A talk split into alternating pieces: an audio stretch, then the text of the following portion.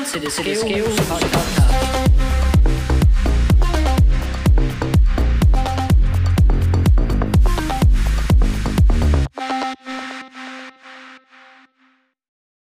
Summer Rae, eller hvem det var nu.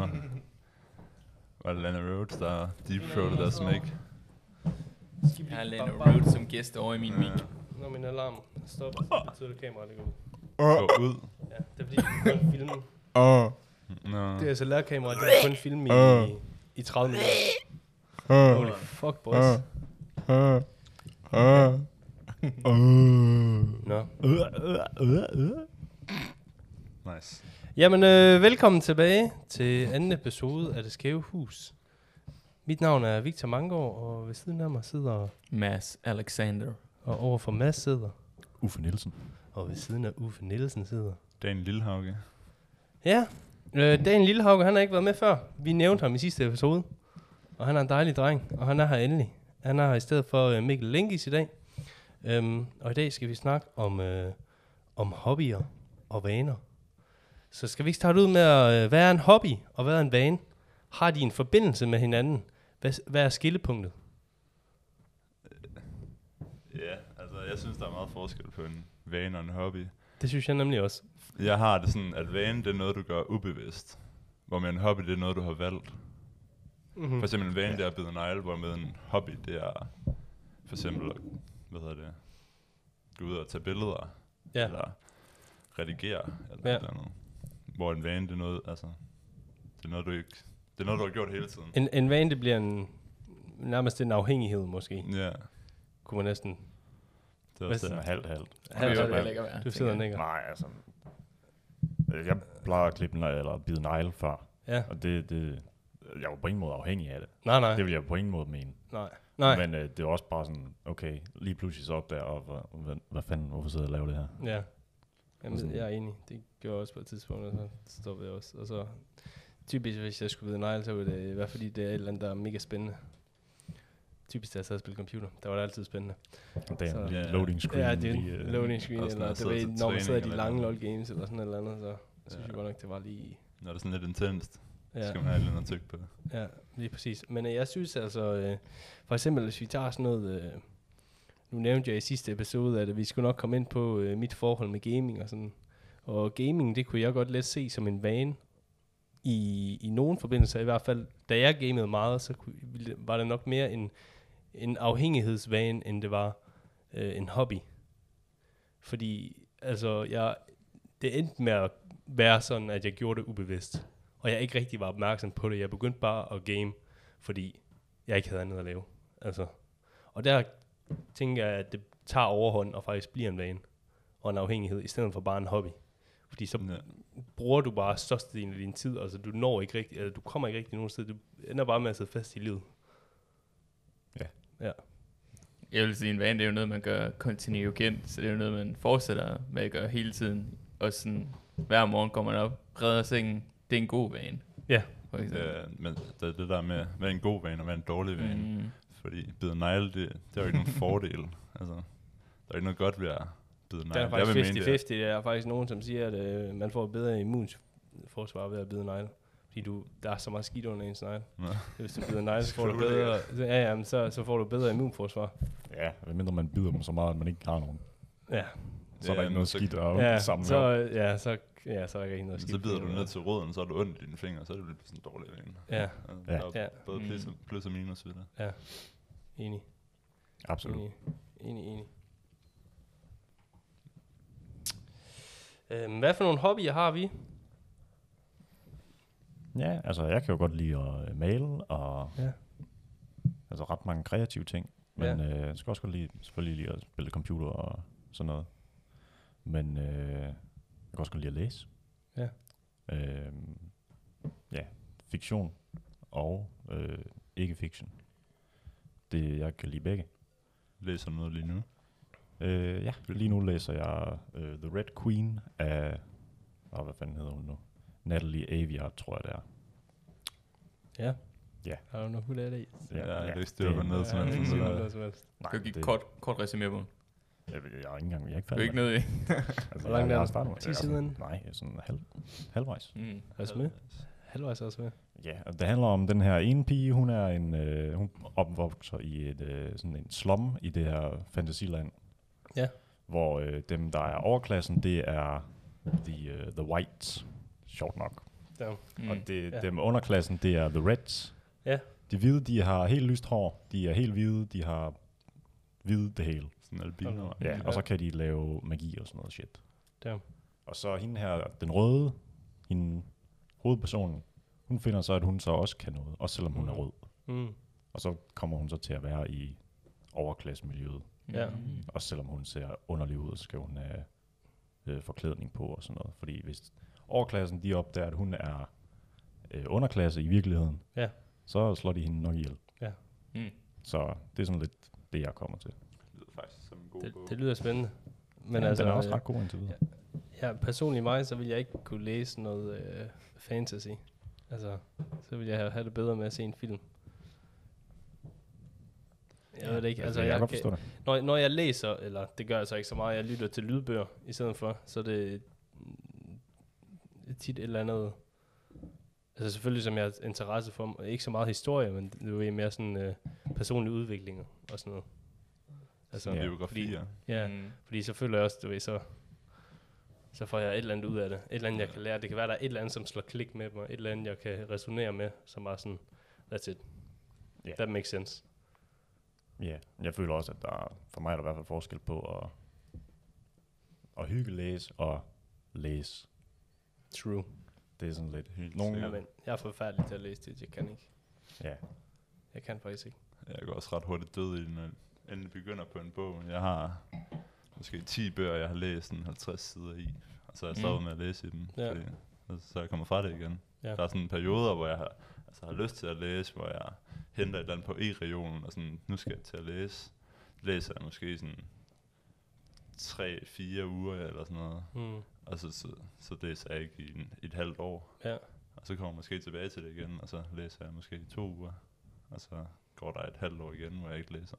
Mm. Så det er meget sådan, hvis jeg altså, lige føler for det. Ja. Jeg bliver bare så ulidelig træt af at læse. det, Altså, altså, det gør jeg ikke. Det, det går virkelig hurtigt. Altså lige så snart jeg tager en bog, der går 5 minutter, så begynder jeg at gabe. Altså, og det er lige Ja. meget, hvornår på dagen det er. Jeg bruger Altså, det er også. virkelig bare sådan... Jeg ved ikke om det er bare sådan programmed me, this is school-agtigt. Det, Og og så- så, altså, for mig altså- er det det helt, om- helt omvendt. Ja. Mm. Men, men altså, jeg, til gengæld så lytter jeg jo meget. Altså, jeg selvfølgelig kan sagtens læse. Jeg kan godt læse i nogenlunde average tempo, tror jeg nok sådan 200 ord i minuttet. Men, men jeg foretrækker bare at lytte, fordi jeg, jeg, jeg øh, hørte om sådan en gut, en gut, som ejer øh, noget, som hedder Speechify, og han snakkede om, at han havde det øh, mega svært med at læse, og havde ADHD og ADD og sådan noget, da han voksede op, og han kunne ikke læse overhovedet.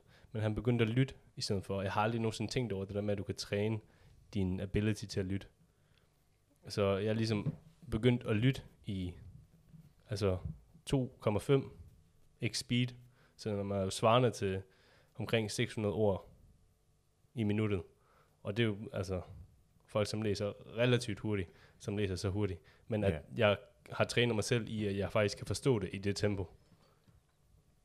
Og bruge mindre tid på det. Altså, Mm. det er sådan Ja. lidt, øh, i stedet for at sætte mig ned og blive effektiv på at læse, så har jeg sat mig ned og blive effektiv på at lytte, i stedet for. Så det er jo en anden måde, man kan, man kan gøre det på, hvis man har svært ved at læse, ligesom jeg har. Det er også noget med, hvordan man sådan optager, altså hvordan man lærer bedst. Ja. For eksempel når du læser, som du gør, det der med, at du gerne vil lære noget. Ja. Hvor kontra Uffe, som gerne vil altså læse for, for hygge. Ja. Ja. Så, altså, så det handler det også om, hvordan man lærer bedst. Altså om man Ja. lærer bedst ved at læse det, om at skrive det ned, eller Ja. opleve det, eller, Ja. eller høre det. Ja. Øhm, og, og det der med at finde sin niche, eller hvad man skal sige, Ja. det tror jeg helt klart er en fordel. Ja. Og for dig er det så Ja. at lytte til det. Ja, personal development, Ja. ja. ja. Ja, helt sikkert. Hvad gør du, Mads? Jamen, jeg læser jo også ligesom Uffe, og, ja. og det er jo selvfølgelig forskellige læringsstil. Jeg kan også godt sagtens lytte til en lydbog eller noget. Øh, jeg er nok heldig at have to læringsstile. Jeg reflekterer både øh, over, hvad andre gør, og øh, jeg fordyber mig i, hvad der kan ligesom stå på papir. Og ja. der er vi ude efter at vide, hvad der faktisk står. Ja. Det var også en måde at gøre det på. Mm. Men, men en ting, man, altså hvis du for eksempel gerne vil træne øh, ens læseskill, og man måske har svært ved at læse, så ved jeg, at man, øh, et stort tip, det er at lytte til det samtidig, samtidig med at du læser, og så kan du øge hastigheden på det, der bliver læst op for dig, samtidig med at du følger det med øjnene på Mhm. papiret, og så kan du ligesom øh, øge din reading speed. Det, det er i hvert fald en måde, man kan gøre det på. Daniel, øh, hobbyer, Hobby, ja. Skal ikke, om hvad laver du? Ja, altså, jeg Hvad ved kan ikke, om man kan kalde det en uh, hobby, men jeg spiller sgu basket. Du spiller basket, det kan man da godt kalde en hobby. Ja, Du spiller jo på eliteplan faktisk. ja. Jeg spiller ude i Bærs Akademiet, Ja, som er et akademi til Bakken Bærs. Ja. Som jeg nok har hørt mere om ja, end Bærs Akademiet. ja, Jeg har været derude i to år nu. Ja. Jeg har spillet basket hele mit liv, men jeg har været derude i to år, fordi jeg prøvede at Ja. ligesom, se, hvordan jeg kunne komme med basket. Og jeg synes det, altså, jeg hygger mig med det. Har du lyst til at fortsætte? Har du lyst til at gå højere, end du er nu, eller? Altid, det er altid lyst, eller jeg altid synes, det er sjovt at se, hvor langt man kan nå. Ja. Hvor langt man ligesom kan bygge sig op, og hvor god man kan blive. For jeg har altid, jeg har den her teori, at man kan altid blive bedre. Ja, Og den position, jeg er i lige nu på holdet, der, der vil jeg gerne være bedre end den, jeg er nu. mm. Øhm, man snakker ofte om minutter. Altså man vil gerne have flere minutter på banen. ja, Og lige nu så føler jeg ikke, at jeg har nok minutter. Jeg vil gerne have flere minutter. Ja. Og det får man jo ved at være bedre. Ja. Mm. Så, men vi er lige gået ind i off-season nu. Ja. Øhm, hvor vi så primært arbejder på det der med skills og det indi- individuelle. Det Ja. der med at skyde og, og sådan noget. Ja. Så det er nu, man bliver bedre. ja. Ja. Altså, man kan jo faktisk... Øh, jeg er ved at lytte til en bog lige nu, som hedder Atomic Habits. Og der snakker de rigtig meget om, øh, især når man er eliteudøver, det der med, øh, lige så snart du skal... Altså, folk, som er mega seriøse om ting, de står jo typisk op før andre, fordi så tager de den der, aha, jeg har længere, eller længere dag end dig, så jeg kan nå mere, end du kan. Right? Um, men, men sådan nogle øh, med små vaner og sådan noget, så kan man optimere sin ability. Altså hvor science det er virkelig, altså det, øh, der er- jeg mener, det var nogen fra øh, England, jeg kunne være forkert. Jeg tror, det var England, som øh, var med i Tour de France. Har, tu- har England vundet Tour de France? Øh, Ja, et eller andet. Der var et eller andet land i hvert fald, som gjorde det, og, øh, og de mente, hvis, øh, hvis de startede de her vaner her, så i løbet af de næste fem år, så kunne de vinde Tour de France. Øh, og så øh, i løbet af to år, så vandt de, og så vandt de sådan fem år i streg efter det. Fordi de begyndte at køre i nogle vaner, hvor altså, de virkelig optim- optimerede sig selv til at vinde. Og, og man siger faktisk, at der er lavet sådan en, en study på vaner, at når du starter noget, så og hvis du bare bliver 1% bedre hver dag, så på et år, så bliver du 37 gange bedre til den skill. Altså, og det er jo, Ja, det er jo vanvittigt at tænke på, ikke? der er også den her teori med 10.000 timer. Jeg ved ikke, om I Mm. Ja. kender den. Det der med. Ja, ja. at hvis man gør noget i 10.000 timer, så er man, altså, så er man mester i det. Ja, Og, og hvor, hvad, altså man kan spille basket i 10.000 timer, men skal man gå helt ned i dybden og sige, at man skal Ja. skyde i 10.000 timer, man skal drible i 10.000 timer, ja, ja. så er det lige pludselig 20.000 timer, du skal spille basket, mm. Mm. ja, for at være god til de to ting. Ja. Så det, jeg synes, det er sjovt at tænke på, at altså, man kan jo altid gå et skridt dybere, ja. et spadestik dybere, ja. ned i ned i teorien. Føler du, du har nogle øh, sådan struggles, eller sådan nogle dårlige vaner, som måske sætter dig tilbage i forhold til at progress til et højere niveau i basket? Det er nok det der øh, selvmotivation, selvdisciplin, ja. der nok hænger mest i bremsen. Mm. Det der med at stå op før, øh, før solen står op. Ja. Altså gå op, tage Ja. ud og træne om morgenen, Ja, stå på en, øh, en streetbane og skyde selv. ja, Jeg skal ligesom have nogen og, og, til at motivere mig. ja. Mm. Øhm, hvis jeg skal skyde, så skal der være en anden, der kan skyde med mig. Mm. Hvis der skal være en, hvis jeg skal drible, så skal der være en, jeg kan drible med. Ja, For jeg, jeg kan ikke finde særlig stor motiv- motivation til at gøre det selv. Ja, Det der med, nu tager jeg bolden under armen, tager nogle stabile sko på, Ja. går på skolen her rundt om hjørnet, ja, og skyder 500 skud. Ja. Det synes jeg ikke, jeg kan. Og det, altså, det er jo selvfølgelig noget, man kan sætte sig til. Ja, ja. At, at, Ja, kan man optimere sin selvdisciplin på en eller anden ja, måde? lige præcis. Ja. Så jeg hører faktisk ret mange øh, podcasts, jeg kan ikke huske, hvad han hedder, ham der, The Mental Coach eller noget. Ja, Mental Mindset, halløj. ja, mental, ja, det tror jeg faktisk, der hedder. Ja. Ja. Øhm, hvor, det virkelig, hvor jeg virkelig søger de der... Mindset mentor måske. Ja, Ja. hvor jeg virkelig søger det der med, hvordan kan jeg, hvad hedder det, komme op om morgenen nemmere, mm. Hvordan kan jeg lade være med at være, være lazy. Ja. Og så, øhm, jeg synes faktisk, han siger nogle ret altså fornuftige ting, ja. Ja. og sådan ret, hvad hedder det, konkrete ting, man kan Ja. tage til sig. Ja. Han siger øh, sådan noget med at, at lade, lad dig, når du står op om morgenen, så se det som et win. Ja. Altså se, du har, i stedet for at snooze, som at lose, eller sådan, Ja. altså, som du har tabt, Ja. så øh, når du står op om morgenen fra din alarm, så har du vundet din første, altså sådan, hvad skal man sige, Ja. første øh, lille gap, eller man. Ja. Ja. Og så kan man ligesom hele tiden bygge sådan nogle små, hvad hedder challenges for sig selv, Ja. hvor man kan vinde, altså motivere sig på den måde med at Mm. vinde. Fordi at vinde, det, alle vil jo gerne vinde. Ja, der er ikke nogen, der har er lyst til at tabe. Det er klart. Ja. Jeg tror faktisk, den bog, jeg eller lytter til lige nu, Atomic Habits, den kunne øh, faktisk være god for dig. ja. Fordi altså, han snakker om øh, altså vaner. Gode og dårlige venner. Øh, og de gode vaner, det er, det er life-changing, og dårlige vaner, det er din, din enemy. Øhm, men han snakker meget om det der med, at øh, det er meningen, altså grunden til, at vi bruger sociale medier, og grunden til, at vi bestiller mad og sådan noget, det er fordi, det er så simpelt. Hvis man skulle gå derned, så ville der være noget, man skulle gøre for det. Hvis man skal starte en god vane, for eksempel med at sige, altså, hvis du kommer hjem, og du har muligheden for at lægge dig i sofaen og se fjernsyn, og drikke en glas vin, eller sådan noget, eller slappe fuldt af, eller du tager muligheden for at tage ned og træne. Lige så snart du har dit træningstøj på, så tager du ned og træner. Ja. Du ved, altså der, er det der lille hump, man skal over med. Jo lettere man kan gøre hobbyer for sig selv, jo større chance er der bare for, at du gør dem.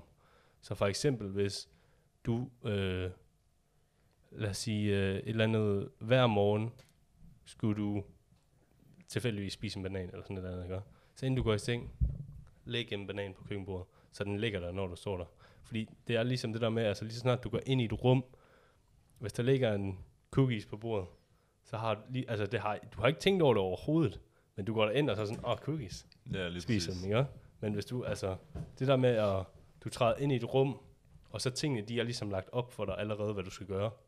Og det der med at rumopdele, altså, så på dit værelse sover du, eller du ved, altså, Ja, lige præcis. Køkkenet du, spiser. ja, ja, lige præcis, så det ikke bliver, lige så snart man laver alle ting i, i et rum, så kan det være super svært, øh, søvn blandt andet, Ja. det, det kan være super svært for mange, hvis, hvis de spiser i det samme rum, og hvis altså, de sidder og gamer i det samme rum, og hvis de sidder og ser fjernsyn i det samme rum, fordi altså, det rum, det har kun, eller det har så mange purposes, og, og sådan et environment, det, lige så snart du går ind i et rum, så får man en feel af det der environment, og så hvis du går ind i et rum, hvor der bare er en seng, det, altså typisk så bliver man bare træt ved at gå derind, fordi det er det eneste, du kan derinde. Mm. ja. Hvis du ikke har andre muligheder for at lave andet andet, så, det- altså, så bliver man træt.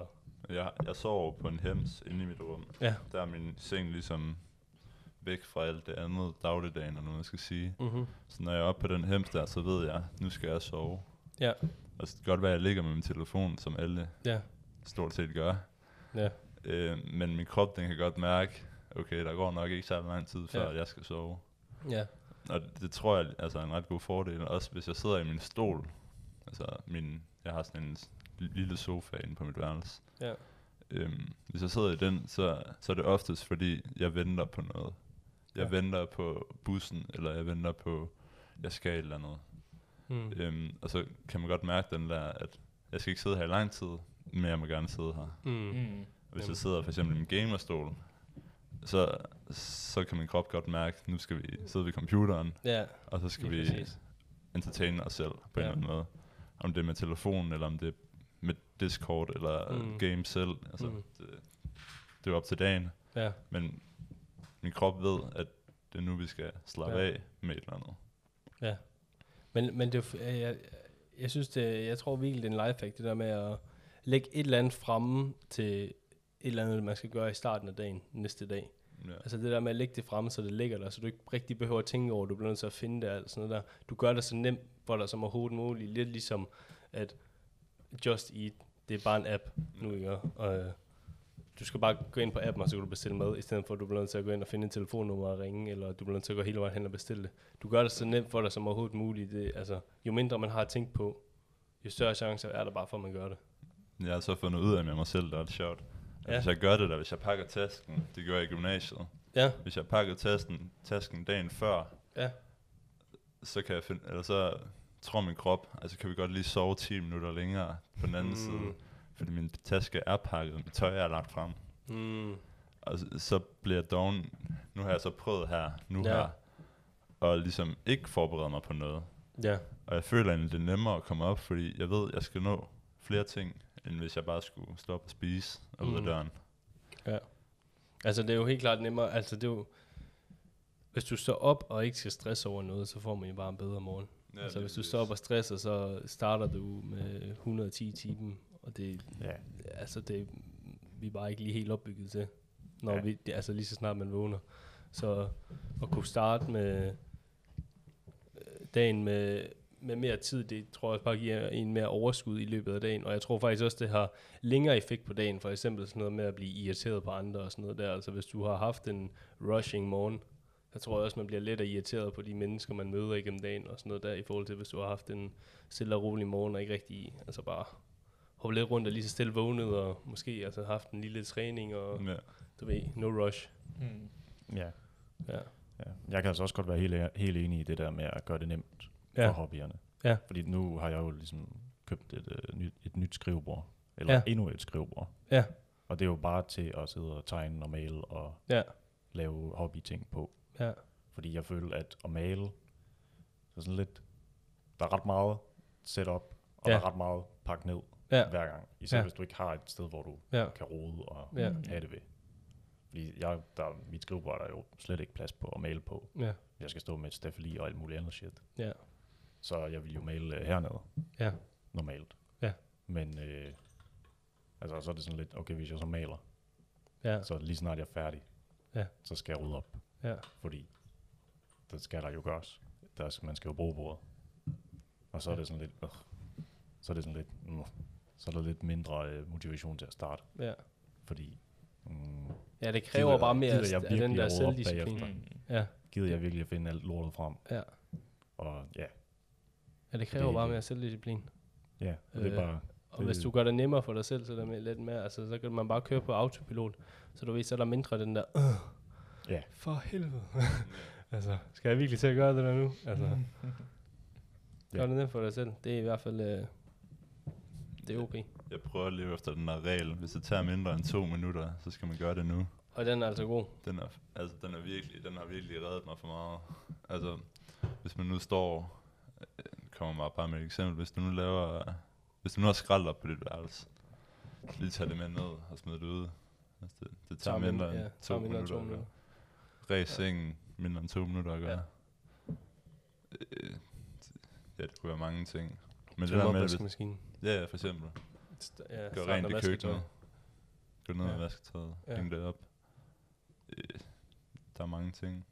Du ved, Lige- sådan basale ting, og så lige pludselig så ender det bare med at, øh, sådan, at fjerne en hel masse stressfaktor, og så har du måske brugt 15 minutter af din dag på det totalt. ja. Og det er bare sådan, altså, okay, For eksempel, Ja, hvis du why så not? ikke går ned med, med skraldet, så har du skrald hele tiden. Og så bliver det endnu mere skrald, og så kan det godt tage mere end to minutter lige pludselig. Ja, Og så, så bliver det ligesom noget, du kommer til at tænke over. ja. Så og compounder noget, der det. påvirker dig, at, åh oh nej, nu skal jeg også lige huske at have tid til at gå ned med skrald, eller rydde op på værelset, Ja, eller et eller andet. Så hvis det, altså, det handler om at nå det, inden det bliver et problem. ja, Og det kan du med den der regel med, det tager to minutter. ja. Så tager det mindre end to minutter, kan du gøre det? Ja, det er en god regel at følge. Det er en virkelig god regel at følge. Mads, hvad er dine hobbyer? Hvad laver du, når du keder dig? Mm, hvad laver jeg ikke, når jeg Næ- mig? altså, jeg har altid noget at gå i gang med, stort set. Ja. Øh, lige så snart jeg er færdig med en af mine hobbyer, og sådan sætter man lige lidt det lidt til siden, fordi nu kan man måske ikke komme videre med det på nuværende tidspunkt, Mm. så begynder jeg på et nyt projekt. Ja. Hvad er det for nogle øh, hobbyer, blandt andet? Jamen det kan være, så øh, gaming og sådan noget, det har jeg kastet meget til siden, det befinder jeg mig ikke i så meget længere. Det kan godt være, at jeg nogle gange lige hopper tilbage, lige tager et enkelt spil eller noget. Når man har lidt mere ferie, når man har Ja, lidt mere præcis. fritid, så synes jeg også, det er okay. Så kan man måske reward sig selv, hvis man øh, har arbejdet rigtig meget. Det er sådan noget, det kunne jeg finde på, i hvert fald. Mm. Ja, Mhm. så er man sådan reward-agtig. Ja. Men ellers så er jeg også begyndt at male, ligesom han maler lidt. Vi maler så lige lidt forskellige ting pt. Mm. Jeg maler mere sådan noget collage og spraymaling. Øh, med inspiration fra en kunstner, jeg godt kan lide. Er det ham, Øh, du har fået øh, billeder af i dag? Vi har, vi har lige modtaget billeder i huset af ham nemlig. Ja. Hvad er det, han hedder? Alf P. Alf P. Kan I gå ind og tjekke ham ud, hvis det er Det noget, er der finder noget ud. mega fedt kunst. Ja, Ja, det er sindssygt. faktisk Ja. ja. super fedt. Så Så det, det laver jeg ellers? Jeg laver, mange, jeg laver så mange ting, jeg ikke ved, hvad jeg laver. Du er altså... Ja, det, du laver faktisk mange, men du er også, du arbejder også meget, og du går meget i skole, så Ja, der bliver brugt super meget tid på det. Så Lige når, når du har fritid, så er det måske mest øh, afslappning. Altså, og når vi faktisk bare er hjemme, så sidder vi sammen mm. øh, og laver mad sammen og bruger tid på hinanden, i stedet for at bruge tid individuelt. ja. Og det synes jeg faktisk også er fint nok, når man bor sammen. Det skal Ja. der også være plads til. Det er i hvert fald noget tid, man bliver nødt til at sacrifice, hvis du spørger mig. det er det. Øh, så man kan bedre sammen. Men det er også sådan, hvad laver man egentlig, når man sidder inde i Så sidder man og glor YouTube og spilder sin Jamen, tid. altså Ja. virkelig, virkelig. Spilder bare sin tid. Ja. Det er i hvert fald en dårlig vane, kan det godt ramme en, i hvert fald mig nogle gange. Sådan, så opdager man lige, shit, jeg har brugt en hel time i mit liv på at sidde og glo på ja, og så er det bare sådan videoer. vlogs og sådan nogen, som kører alt for hurtigt. Jeg synes, det er sjovt det der med, at man sidder på YouTube, og så lige pludselig så er der bare gået en time, bare sådan, Mm. så har jeg lige spildt en time på at se en eller anden lave en, en pool, eller et eller andet. Ja. ja.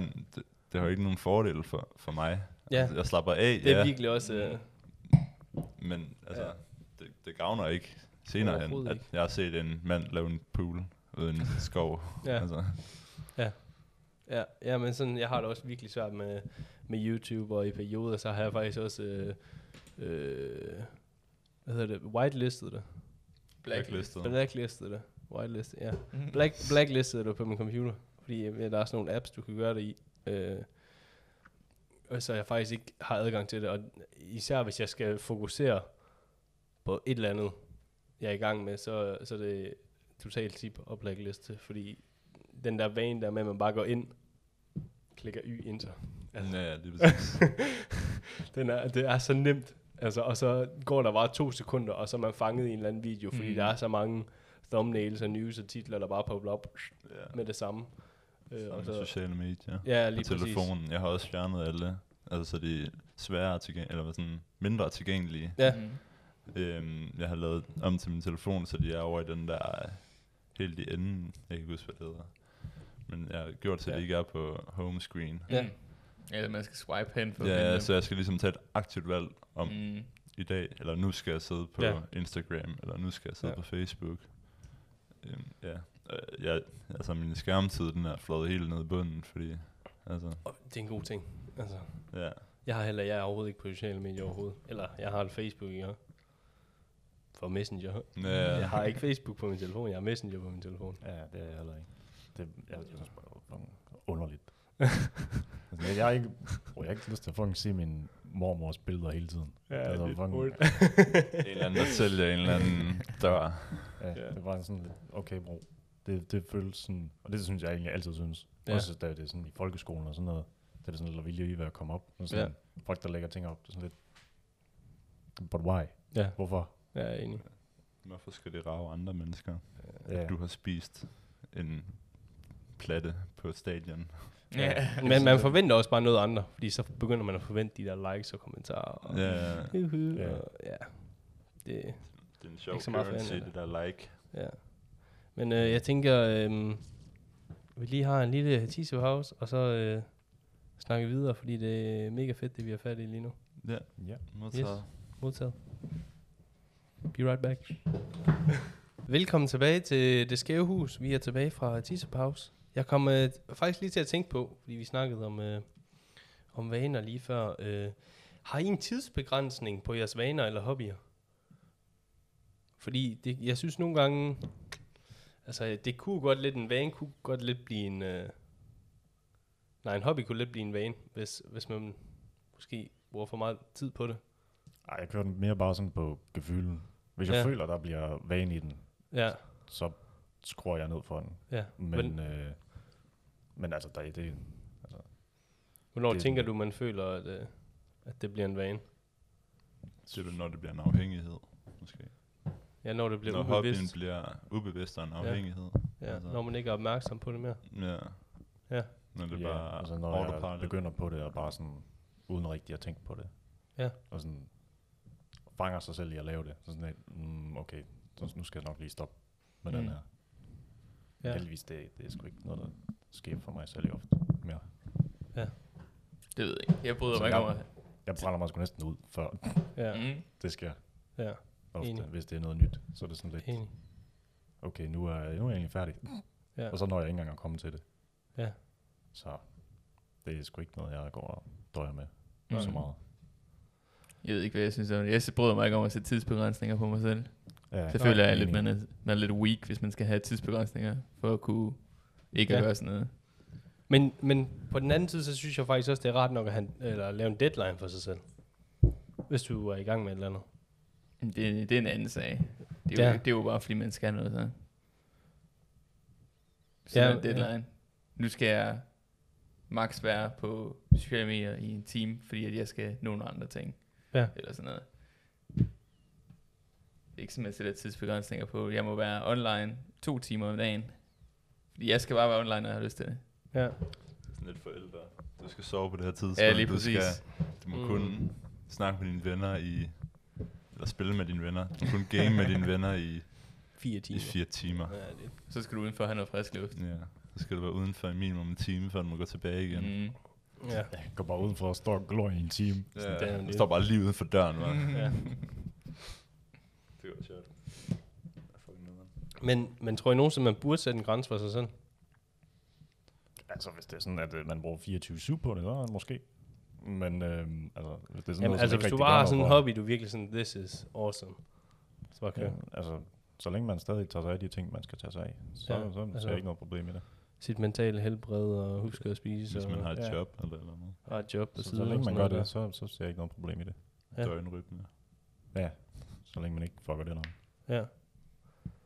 Jamen, så tænk på, øh, jeg har faktisk ikke øh, nævnt, hvad mine hobbyer de er. Ja. Ja. Hvad er din hobby? Øhm, det, hmm. Ja. Det er faktisk... Øh, øh, lige for tiden, de, de ændrer sig sådan lidt. Det kommer lige an på, hvad jeg har interesse for, øh, eller hvad, hvad jeg lige føler for. Men lige her over de sidste øh, fem måneder, må det have været nu, øh, har jeg været rigtig meget, eller rigtig meget inde i investeringer, aktier og krypto og sådan noget, fordi jeg synes, det er spændende, det der, især, især på grund af corona og inflationsraten, som den stiger nok ikke i Danmark, men den stiger i andre lande. Øhm, og det har helt klart fået mig til at tænke på det der med, at, øh, at de penge, jeg har stående på, hvis jeg bare lægger mine penge ind på min konto, så er det lidt ligesom en isterning, der bare smelter over en længere periode. Så det der med, altså det kunne være ret fedt at kunne få et afkast, og så tænker jeg også, altså jeg er så ung lige nu, så det der med, at hvis jeg kan sætte mig ind i det, i den alder, jeg er lige nu, så og så bare have sådan en, en fin interesse for det. Lige nu har jeg mega meget interesse for det, men måske altså om et år, så, er det sådan, så har jeg sådan en semi-interesse for det, og har en rigtig god forståelse for det, og så er det bare noget, som kan benefit mig resten af livet. Fordi jeg har den der basic knowledge omkring det. Mm. Øh, og så, altså, fed måde at spare op på, det der med, at du kan lægge dine penge ind, og de stiger i værdi. Det er en Altså. altså. bank, der betaler igen. Jamen, det er det. Øh, så altså, og man kan jo, og så har jeg jo også fundet ud af, at der er utrolig mange sikre måder at investere på, blandt andet igennem indeksaktier og sådan Mm. noget der. Ja, Øh, præcis.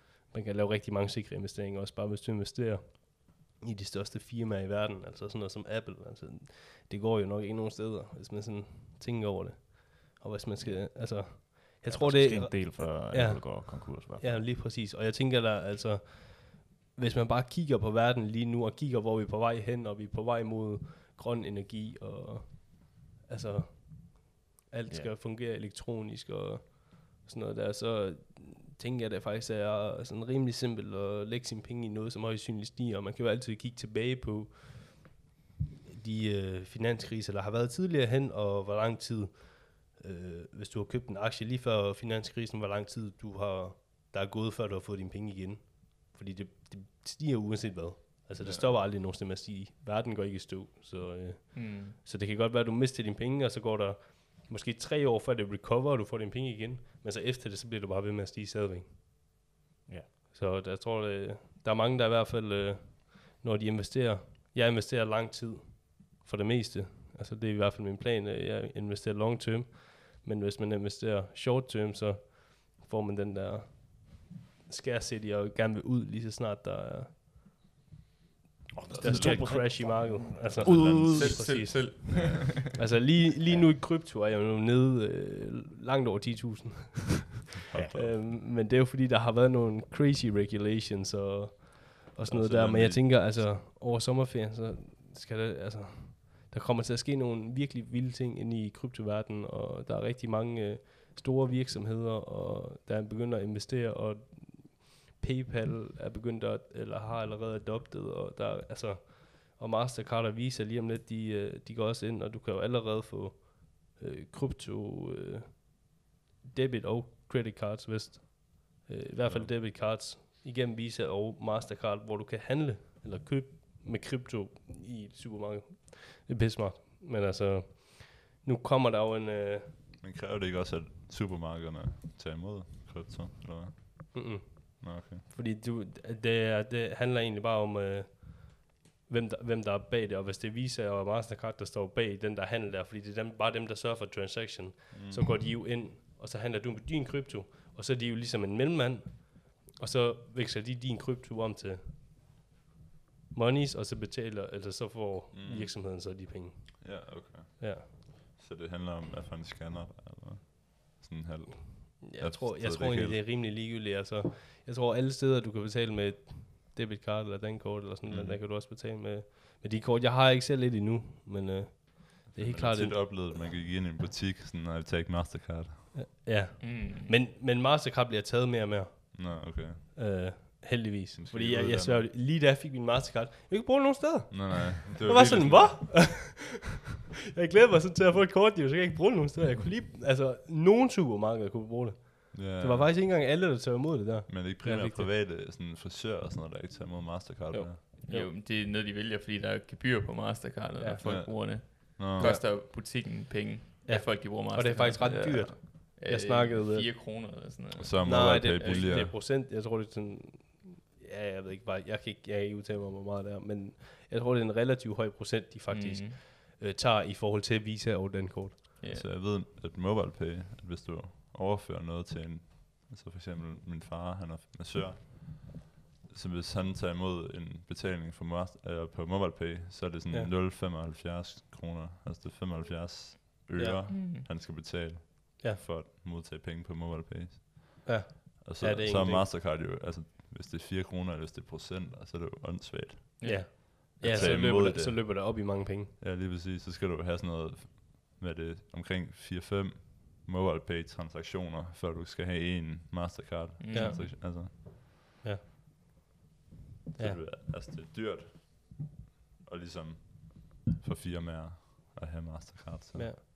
Men de er også sikre på at få pengene, så Ja. kan man sige. Det er du også igennem MobilePay, er det ikke? Det bliver nu, hvis, altså, man vil godt trække over på MobilePay, Nå. hvis det ikke er et Mastercard, du kører på. Du kan godt betale med penge, man ikke har i princippet. Ah, I see. Ligesom Ja. så er Visa den kort. Ja, Visa, der, jeg har Mm. også sådan et, det kan jeg trække over på. Ja, det er der, det bliver farligt i hvert fald, at betale med penge, man ikke har. Ja, så er det luksusfælden, der venter. Ja. Daniel, øh, investerer du egentlig dine penge? Jeg har investeret meget få penge. Meget få penge. Men jeg ved, du har rigtig meget interesse for det. Og din storebror, han handler også med dig, er det ikke sådan? Min storebror, han har i hvert fald snakket rigtig, rigtig meget om det. Ja, Jeg siger, han presser skal- dig. Ja, en lille smule. Han, øh, i min 20-års fødselsdagsgave eller sådan noget, så gav han mig nogle penge ind på Nordnet og sagde, værsgo, brug dem her. Ja. Og brug dem til whatever du har lyst til. Ja. Og så startede jeg ligesom med at sætte mig en lille smule ind i det, sætte mig ind i de der candlesticks, Ja. se, hvornår der er en trend og alt muligt. Og så prøvede Ja. jeg så at smide nogle penge efter nogle, nogle, øh, nogle aktier, mm. og så sagde det bare, wum. Ja. Altså, jeg tror, jeg havde måske 1800 af de 2500, jeg fik Ja. ja. med storebror, som var sådan, altså, så havde jeg mistet en post, altså sådan 700 kroner. Ja. Og så tænkte jeg, jeg må hellere play it safe, ja. Investere i nogle indekser, så jeg investerede i tre forskellige indekser, som min ja. storebror har sagt, det er dem her, du skal investere i. Og så nu har jeg omkring 5500 inden afsted med et afkast på 500 eller sådan noget. Ja. Så jeg har været lidt mere passiv her Mm. til seneste par år, Ja. eller det seneste år. Ja. Men jeg synes stadig, det er spændende, det der med at, Ja. at analysere candlesticks. Ja. Analysere, om man kan se, Ja. hvad sker der lige om lidt. Prøve at sådan forudse fremtiden. Og til dem, som ikke ved, hvad candlesticks er, det er, det er den graf, du følger. Basically. Ja, Øh. i stedet for, hvis du nu googler Apple stocks, Ja. ja. eller Apple aktier, så ser du bare en streg. Ja. Inden bag den streg, så er der de der candlesticks. Ja. Øhm, Så er der sådan nogle røde og grønne bare. ja, hvis den er rød, så er det størrelser. faldet lidt i pris, Ja. og hvis den er grøn, er den stedet lidt i pris. Og Ja. det er sådan et tidsinterval, og det kunne være to minutter, det kunne være en halv time, det kunne være et måned, de der candlesticks er. Mm. Det er lidt hvad du kigger på. Ja. Øhm, og den kan man så analysere, der er noget, Ja, altså, der er alle mulige der forskellige. er alle mulige mønstre i dem, ja. som altså data har vist, at det symboliserer sy- mange forskellige ting. Ja, hvis der er Øhm. to røde og så en grøn, så kunne det være, altså det er ikke rigtigt det her, men så kunne det være, at den næste blev grøn igen. Mm. Øhm, det var meget Ja. ja. simpelt forklaret. Ja. Øhm, ja, det har jeg så prøvet at kigge på lidt. Jeg har også været inde på noget lidt større, sådan nogle, der hele tiden er aktive, noget guld til, til US dollars, og noget sølv til US dollars, og nogle Mm. andre currency til andre currency. Øhm, hvor der så er noget, der hedder uh, trading, uh, hvad fanden?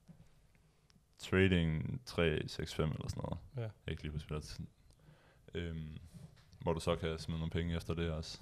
Du Ja. kan også lave en demo-account derinde, Ja. hvor du har, jeg tror det er 10.000 dollars eller sådan noget. Bare, Ja. det er papirpenge, du er ikke, Ja. det er ikke dine penge, og det er ikke nogens penge, men de følger markedet. Ja. Så kan du prøve kræfter med det, hvis du har lyst. Ja. Det er mega, mega spændende. Jeg synes, Ja. altså det, Jamen, jeg har også lidt... Altså, jeg har virkelig... Jeg burde sætte mig ind i, hvordan øh, at læse de der candlesticks, fordi det er, en, det er en fed ting at kunne. Altså, det er lige, ligesom at kode. ja, ja. Det, det er mega fedt at kunne. Altså, det er bare sådan en masse døre, der åbner. Lige snart du kan kigge på en graf og analysere det der og forstå, altså, hvad der, hvad der egentlig sker, så er der bare mange døre, der åbner. Og det er jo sådan der med, med de fleste ting, man lærer. Hvad med jer, øh, Uffe og Mads? Lægger I penge nogle steder?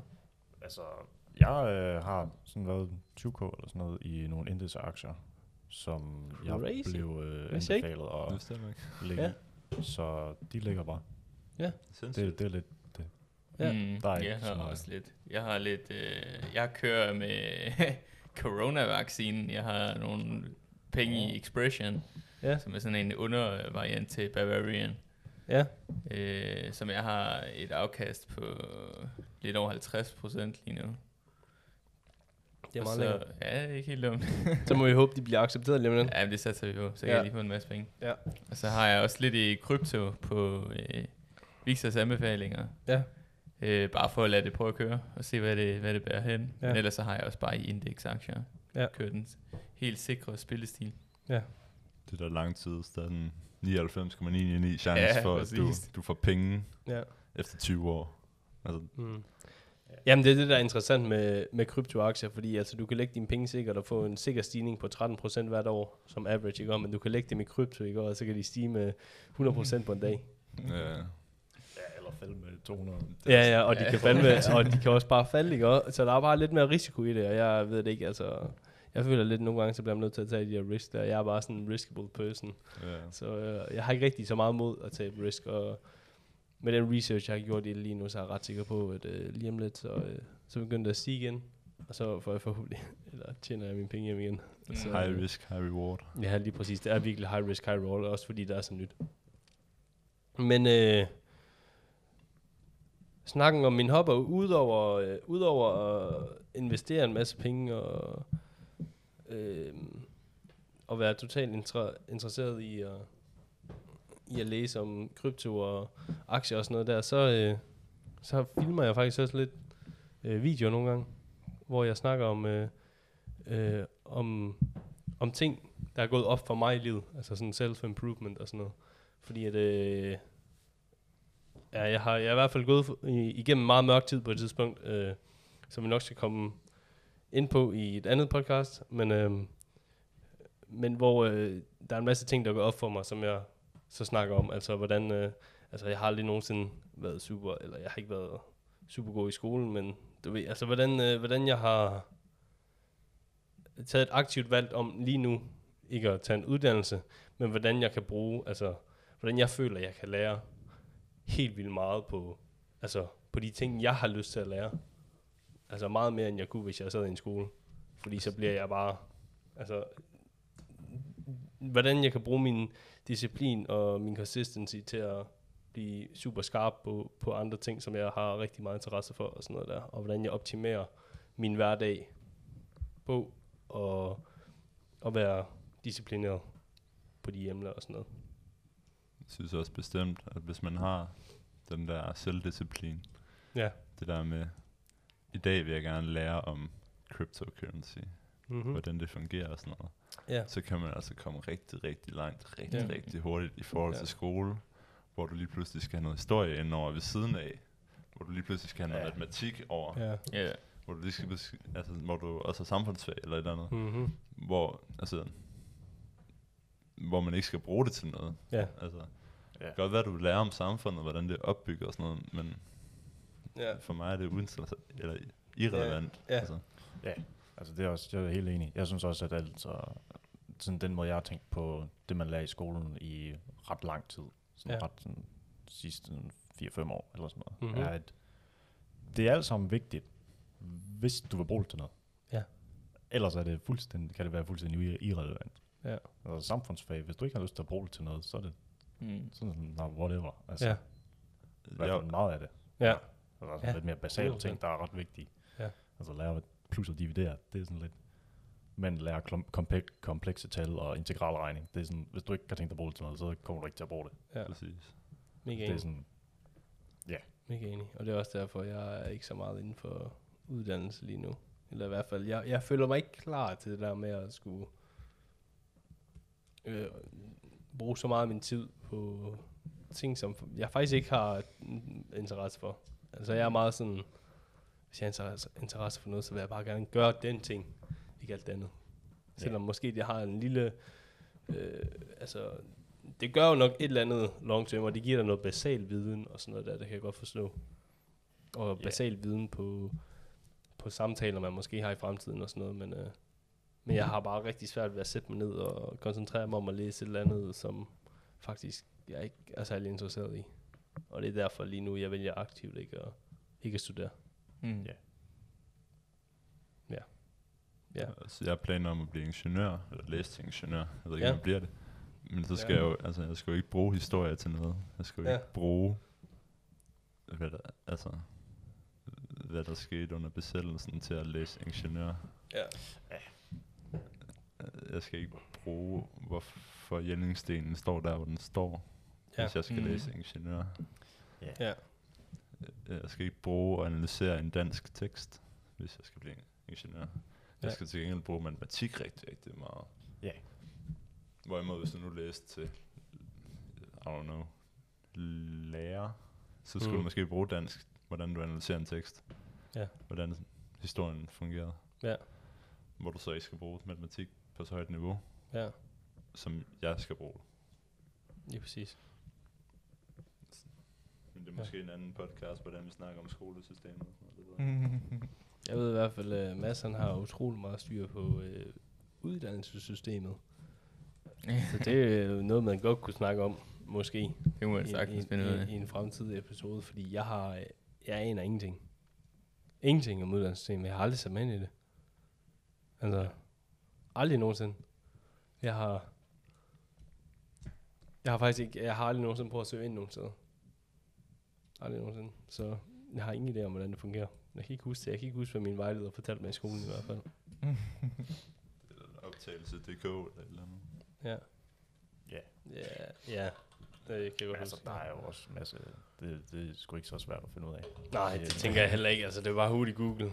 Ja. Ja, Så, og så er der step-by-step vejledning. Ja. ja, Ja, der, er Det sikkert en eller anden, Google-vejleder. Der er også sikkert også en eller anden, der har lavet en YouTube-video om at fucking søge ind. Ja. du kan sætte den i 2x. Ja, det tænker jeg også. Hey. Jeg kom til at tænke på, drenge, øh, om I har en, øh, nogle hobbyer, I bliver flove over.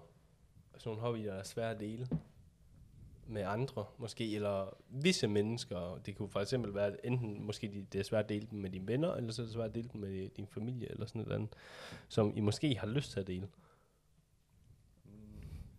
Jeg kan ikke komme på noget i hvert fald. Nej? Nej, det er et svært spørgsmål. Det er et godt spørgsmål. Mm. Ja. Det, altså, det vil jeg ikke selv sige, jeg har. Men jeg kan godt se, at... Øh, eller jeg kan godt mærke, at der er nogle ting, hvis jeg lige starter på en ny hobby, Ja. så vil jeg helst ikke snakke om det. Mm. Fordi så føler jeg, at så har jeg allerede gjort det næsten. Ja. Og så er det svært at blive ved med det. Ja. Så det er sådan lidt, jeg vil hellere snakke om det. Hvis øh, Ja, jeg lige sådan så snart man har sat sig ind i det, og det er noget, man er Ja. sikker på, man vil blive ved med. Ja. Sådan kan jeg faktisk også lidt have det med at, med at lægge videoer på YouTube. Nu vil jeg se, hvor lang tid jeg bliver ved. Altså, altså jeg gør det bare, det er jo meget sådan en ting, jeg gør, når jeg har lyst. Mm. Og fordi jeg har lyst til at, altså så går jeg i dybden med et eller andet emne, og så skriver jeg en hel masse om det, øh, og finder en hel masse viden, og så laver man ligesom den der video, og så ligesom, så binder det også. Altså så kan du faktisk huske, hvad du har snakket om, og det er sådan noget, du, lige så snart du har en samtale om det, så kan man tænke p- tilbage på det, og så kan du faktisk huske, hvad du har sagt, og sådan noget, og komme med de korrekte facts og sådan noget der. Men det er også derfor, Ja. du laver dem, ikke? Jo, det er primært, fordi jeg har kæmpe stor interesse for det, og også for, at det, det sætter sig bare fast. Lige så snart man går i dybden med et eller andet, Ja. øh, hvor du så får skrive om det, og så bagefter snakker om det, så lærer man altså sindssygt meget om emnet. derfor, man har fremlæggelser i skolen, for ligesom Mhm. det Ja. sætter sig fast. Ja. Så om det er et Ja. skrækscenarie, det sætter sig fast til, det, Ja, det er måske noget andet. ja jeg Men- husker ikke rigtig min fremlæggelse. Jeg var, alt for, jeg var så bange. Jeg rystede, altså. Ja, det er præcis. Ja. Og Og det er dag, surt, man, man husker kun det dårlige. ja. ja, det gør man. Det er jeg kan det huske det gode. Det er det det gode, det sådan negative. lidt, jeg kan huske rosen bagefter, men Ja. jeg kan huske noget af det, man sagde. Mm. Ja, ja same. Jeg fik faktisk altid rigtig god ros, men jeg følte bare, at jeg rystede i stemmen, og jeg var sygt nervøs. Og, Ja. altså. Men til gengæld i, på et eller andet tidspunkt i fremtiden, kunne jeg faktisk godt tænke mig at, at lave nogle, øh, nogle, nogle foredrag omkring mm. self-improvement og Så sådan det noget der, der. hvis Det, ikke- det Hvis er i hvert fald en drøm. hvis man ikke dør af det, så... Jamen, det er det. Okay. Altså, og det er sådan typisk, øh, jeg lever meget med sådan en quote, altså, øh, you are more likely to regret not doing it, than to regret doing it. Altså 99% af tiden, så vil du fortryde det, hvis du ikke gjorde det, Mm. end Ja. hvis du gjorde det. Ja. Altså, og sådan er det bare tit. Men der er også meget læring i fremlæggelse. Altså, Jamen, det er også, når man bliver ældre og skal til jobsamtale og sådan noget lige pludselig. Det er jo egentlig en fremlæggelse, man laver om sig selv. Mm-hmm. Ja. Meget enig. Meget enig, meget enig. Altså, øh, hvis I ikke har nogen ting, I bliver flove over, en dårlig vane, Har du noget, du bliver flov over? Jeg kan godt nogle gange øh, øh, føle, føle mig lidt smøg. Øh, flo, altså, jeg har jo øh, jeg har røget smøg, siden jeg var 13. Og selvom jeg er stoppet fast nu, så nogle gange, altså med bestemte mennesker omkring mig, så kunne jeg jo godt føle mig fløj over, flov over, hvis, øh, hvis jeg røg en smøg. Det kan godt være, selvom jeg drak øl. Altså, og det er typisk, at jeg ryger. Jeg ryger mere som fiskryger. Ja. Øhm, men, men med bestemte mennesker omkring mig, så kan jeg godt føle mig lidt flov over det. Mm. Altså, fordi altså, det, det, det, det er lidt en følelse om, øh, om mennesker, de, de ser ned på en. Jeg ser så sygt meget ned på folk, der ryger. Ja, og det, og det er blandt andet dig, en af dem. Altså. Men, men, men det er helt, helt klart en, altså, en ting, som er sådan, "Åh, ja. jeg burde bare stoppe. Og jeg er sikker på, altså, lige pludselig så slår det klik. Det, der, det, det giver ikke mening. Men Og lige pludselig så, øh, altså, Det sværeste at komme ud af en dårlig vane. Det er bare svært at komme ud af en dårlig vane. Øh, og det er bare, altså... Og det er bare en, altså, det er en lorte vane, og øh, det er bare det der med, altså... Lige så snart der er folk omkring mig, som ryger, og som, du ved sådan, hey Victor, en smøg? Du ved, så det var sådan, "Åh, ja. Det piner der Det, bare ja, lidt. det piner mig virkelig, og hvis jeg siger nej, så piner det mig bare endnu mere. Mm. Altså, Ja. og det er bare, nogle gange, altså det jeg har svært ved, det er, øh, altså lige så snart, det, det er den der, altså, har jeg lyst til at bare føle mig pinet, fordi jeg ved, det lige så snart, lige lidt, så går vi ind igen, og så sidder vi og snakker eller drikker et eller andet. Men jeg vil stadig tænke over det. Jeg vil stadig tænke over, at jeg sagde nej. Og der er det bare nogle gange, så er jeg sådan, ah for helvede, fuck det der. Og det er bare sådan, jeg har det lige nu. Så ryger jeg den smøg, og så behøver jeg ikke tænke over det mere. Fordi jeg ved, lige om lidt, så kommer, går vi ud, jeg går en time, og så går vi ud igen. Før dagen efter, hvor du tænker, jeg skulle aldrig have røget de Og to så går der, ja selvfølgelig, og så er der dagen efter, hvor jeg sådan, så kan jeg mærke det på mine lunger, og jeg, for helvede, åh, jeg koster nu, altså, og så er den tjær i lungerne. Men, men jeg er sikker på, at lige pludselig, så står det klik, øh, det der med, altså, det gør jo intet godt. Det gør intet godt. Altså, det er Øh, ja. totalt ubrugeligt. Øh, ja. Og det fucker Ja. dig bare op. Men Ja. det er bare en pisse lort af vane. Der er bare et eller andet socialt over det også. Ja, der er nemlig noget socialt over jeg det, og der er også, uh, vi bor i der, altså, jeg tror, os i det her hus her, I er nærmest de eneste venner, jeg har, som ikke ryger. Jeg tror faktisk, I er de eneste venner, jeg har, som jeg, ikke jeg tror ryger. faktisk, du er den eneste ven, jeg har, der ryger. Og så lige... Det, og det er sygt, venner. dude. Det er så sygt. Og jeg har jo ikke, altså, jeg har været meget sammen med Mads, øh, mindre sammen med jer, og mindre sammen med Mikkel, når vi, før vi boede her. Mm. Øhm, og jeg var hele tiden omkring ryger. Hele tiden. Og det er jo også bare sådan, altså, Mm. man bliver tit bare trukket med ind i det. Sådan, Ja, der er en eller anden sådan... Jeg vil ikke kalde det gruppepres. Nej, men nej, der er en Det er en del af miljøet, ja, Ja, man bevæger sig i. Ja, det smitter jo af på en. det bliver lige pludselig Ja. bare noget socialt. Altså, Ja. så går man ud og ryger, og så snakker man lidt. det er også bare, hvis du ikke rører, så vil du sidde herinde, og så sidder eller så Ja. er alle dine, dine Ja, ja. venner udenfor og Lige ryger. præcis. Og så sidder man sådan lidt for sig selv herinde. Så er det sgu nemmere at tage Ja. med ud Ja. og sige, så giv mig en smøg, lad mig prøve det. Ja.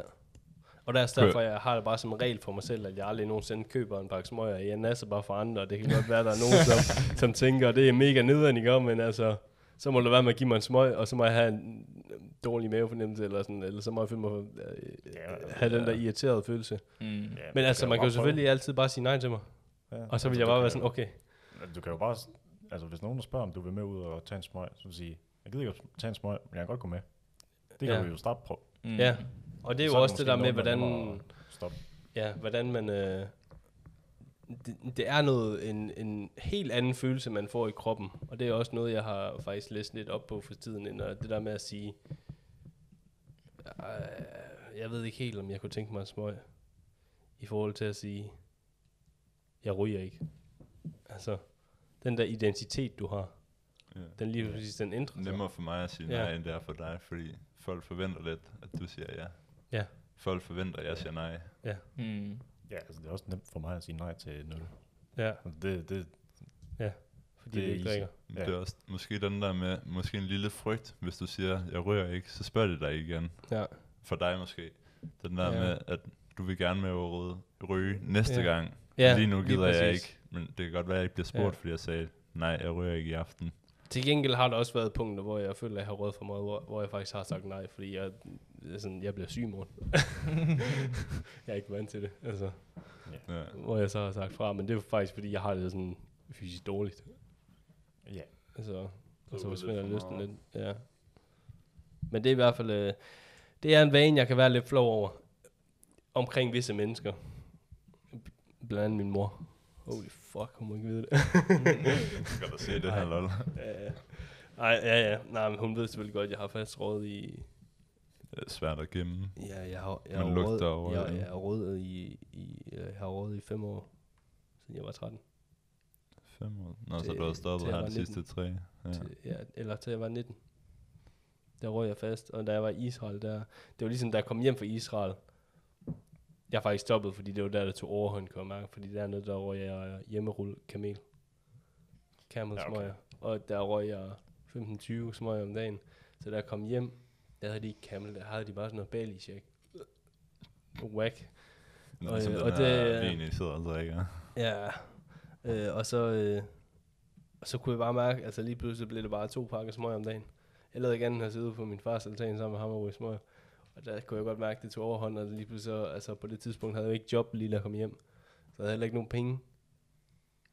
Bare en spiral. Ja, lige præcis. Og så var det ligesom der, jeg faktisk lavede en, uh, en kold tyrk og stoppede helt.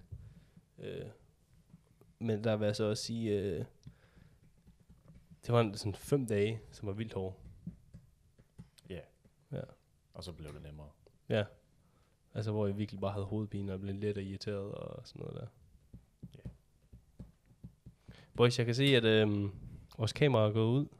Jeg tænker, at vi lige hurtigt tager en tidspause, og så kan vi måske lige øh, køre de sidste spørgsmål igennem, og så øh, kan vi kalde den for i dag. Ja. Yes. Vi er tilbage med det skæve hus. Øhm, efter en lille pause. Det her podcast er det kommer til at gå lidt over en, øh, en time, fordi vi har stadig nogle spørgsmål tilbage. Men vi tænker, at vi lige vil færdiggøre det. Øhm, tænker I, at øhm, de mennesker, I er med, har en indflydelse på jeres hobbyer og jeres vaner? Til, sådan en, til en vis grad, men altså, det er sådan lidt, jeg føler ikke, at øh, dem, jeg er sammen med, ændrer mig sådan totalt. Nej. Så synes jeg, jeg så er jeg sådan lidt for fast. Ja. Så er min identitet sådan lidt, den, den rykker sig ikke så Men meget. altså, man burde jo heller ikke ændre sig, når man er sammen Mm. Ja. med mennesker. Altså, Size. man, man burde virkelig bare være sig selv, og lade være med at tænke på, hvad andre de tænker om en. Men Helt nogle gange så falder man jo ind i den der med, altså, åh oh, nej. Det er fucking svært. Ja, det er svært. Det er virkelig svært at fordele sig med det, fordi nogle, at man, man har ikke lyst til at blive set som en taber. Nej, men jeg har ikke lyst til, at folk skal Ja. være sure ved en. Ja. Ja. Altså, og det er det der med det igen. Altså det, og som Mads han snakkede om i, i blandt andet sidste podcast, altså det, det man lige så snart du skal sige noget til nogen, så har du bogstaveligt talt deres skæbne i hænderne. Mm. Altså. Det kræver bare det der ene insult der på din personlighed, og så føler man bare, at man bliver skubbet helt ned til bunden. Det der og first så er ens dag impression, ødelagt. Ja, ja, det der Hvor first du bare bliver impression, det er stemplet som en Ja. eller anden. lige præcis. Og så er det svært at bevise, du noget andet. Ja, Fordi personen tænker, okay, han er sådan en sportsnørd. Eller okay, Ja. han er gamer. Mm. ja. Eller okay, han er Altså, jeg, tør da, da, da jeg gamede rigtig meget, så kunne jeg da godt, altså, hvis jeg skulle ud og snakke til en pige eller sådan et eller andet, så, øh, så havde jeg da ikke lige tænkt mig at nævne, at øh, for resten, så sidder jeg og spiller computer 8 timer om dagen. Hvad er din hobby? Hvad interesserer du dig for? Altså, så havde jeg jo, typisk så havde jeg jo bare øh, snakket om nogle andre ting, og så havde jeg jo nok kørt meget på, på hvad hun lavede, og så hvis hun så havde en interesse for gaming, så havde jeg så Mm. kørt ind på det.